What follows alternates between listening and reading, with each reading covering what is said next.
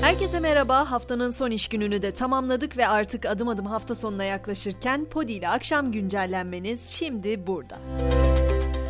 Artık sadece deprem bölgesindeki artçı sarsıntıları konuşmuyoruz. Çevre illerde de büyüklüğü 4 üzerinde olan sallantılar kaydediliyor. Bugün saat 11.29'da Bingöl 4,5 büyüklüğünde bir depremle sallandı. Deprem bölgesi ise yeniden ayağa kalkmaya çalışıyor. Hatay'ın Antakya ve Defne ilçelerinde hasarlı binaların yıkımı ve enkaz kaldırma çalışmaları 57 mahallede sürüyor. Diyarbakır'da ise ağır hasar meydana gelen iki bloklu sitede yıkım çalışması başlatıldı.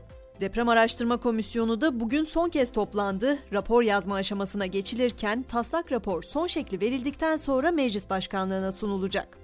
Hemen biraz yargı koridorlarına uzanacağız. Zira bugünün öne çıkan birkaç yargı başlığı var. Öncelikle Çiftlik Bank davasının bir numaralı sanığı Mehmet Aydın'ın Uruguay'daki sağ kolu Osman Naim Kaya'nın Türkiye'ye iadesi kabul edildi. Kaya, kara para aklama, vergi kaçırma, suç örgütü üyesi olma ve dolandırıcılık suçlarından aranıyordu.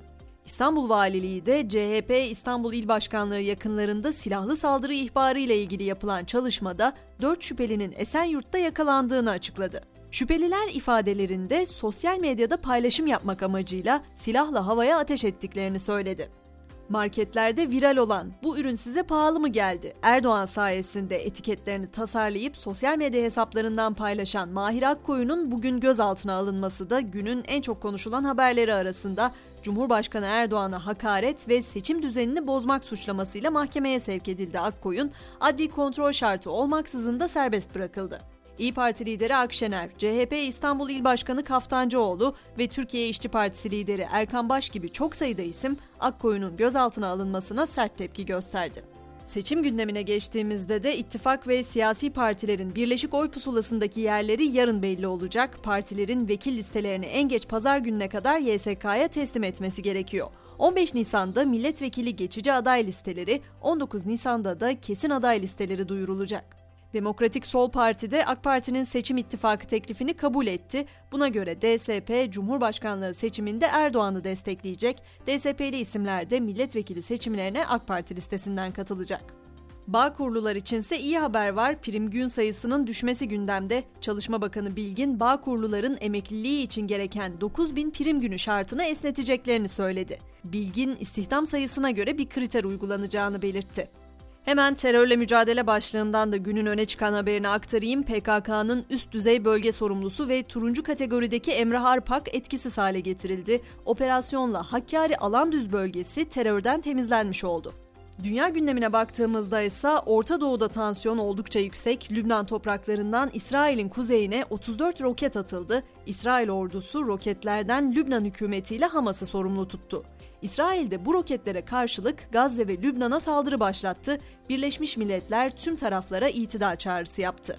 Savaş hattında ise Ukrayna lideri Zelenski Polonya ziyaretinde konuştu. Zelenski Rus birliklerinin kuşatması halinde Bakmut'un geri çekilmesi emrini vereceğini söyledi. Japonya ise Ukrayna'ya 7,6 milyar dolarlık yardım sağlayacağını taahhüt etti. Amerika'ya geçtiğimizde teknoloji devi Microsoft'ta Amerika Birleşik Devletleri'nin ihracat denetimleri ve yaptırım yasalarını ihlali nedeniyle ceza kesildiğini görüyoruz. Şirket toplam 3,3 milyon dolar para cezası ödeyecek. Tabii teknolojinin gelişmesiyle birlikte hayatımızda da bazı şeyler değişiyor. Mesela artık uçaktayım, mesajlaşamam diye bir şey kalmıyor. Türk Hava Yolları internet erişimi bulunan uçaklarla gerçekleştirilen yurt dışı seferlerindeki tüm yolcularına WhatsApp, Messenger, iMessage ve benzeri uygulamalar üzerinden ücretsiz olarak sınırsız mesajlaşma hizmeti sunacak. Ulaşım demişken de dünyanın en iyi toplu taşıma sistemine sahip şehirler açıklandı. Hemen onlardan da söz edeyim. Asya ve Avrupa ülkelerinin öncülük ettiği bu listede Almanya'nın başkenti Berlin birinci sırada yer aldı. Spor dünyasına geçmeden önce son haberimse Türkiye'nin ağırlayacağı bir ismin haberi. Geçen yıl Nobel Edebiyat Ödülünü kazanan Eni Arno 42. İstanbul Film Festivali kapsamında Türkiye'ye geliyor. Fransız yazar belgesel gösterimi ve kendi eserlerinin imza günü için 13 Nisan'da İstanbul'da olacak. Hızlıca spor gündemine de göz atalım. Süper Lig'de 28. hafta bugün Konya'da başlayacak. Konya Spor saat 20.30'da Antalya Spor'u konuk edecek.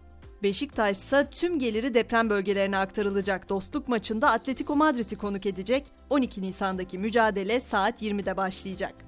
UEFA ise futbolla ilgili tüm konularda bilgi ve görüş alabilmek için danışma kurulu oluşturdu. Kurul ilk toplantısını 24 Nisan'da Nyon'da yapacak. Ve haftanın son güncellenini burada noktalarken günün mottosunu Frida Kahlo'dan bırakalım istiyorum. Yüz kere düşmüş olayım, başkalarına çelme takan biri olmayacağım. Ben kazanan değil, insan olmak istiyorum diyor. Ben Gizem, pazartesi sabahı yeniden görüşmek dileğiyle şimdiden herkese iyi hafta sonları diliyorum. Hoşçakalın.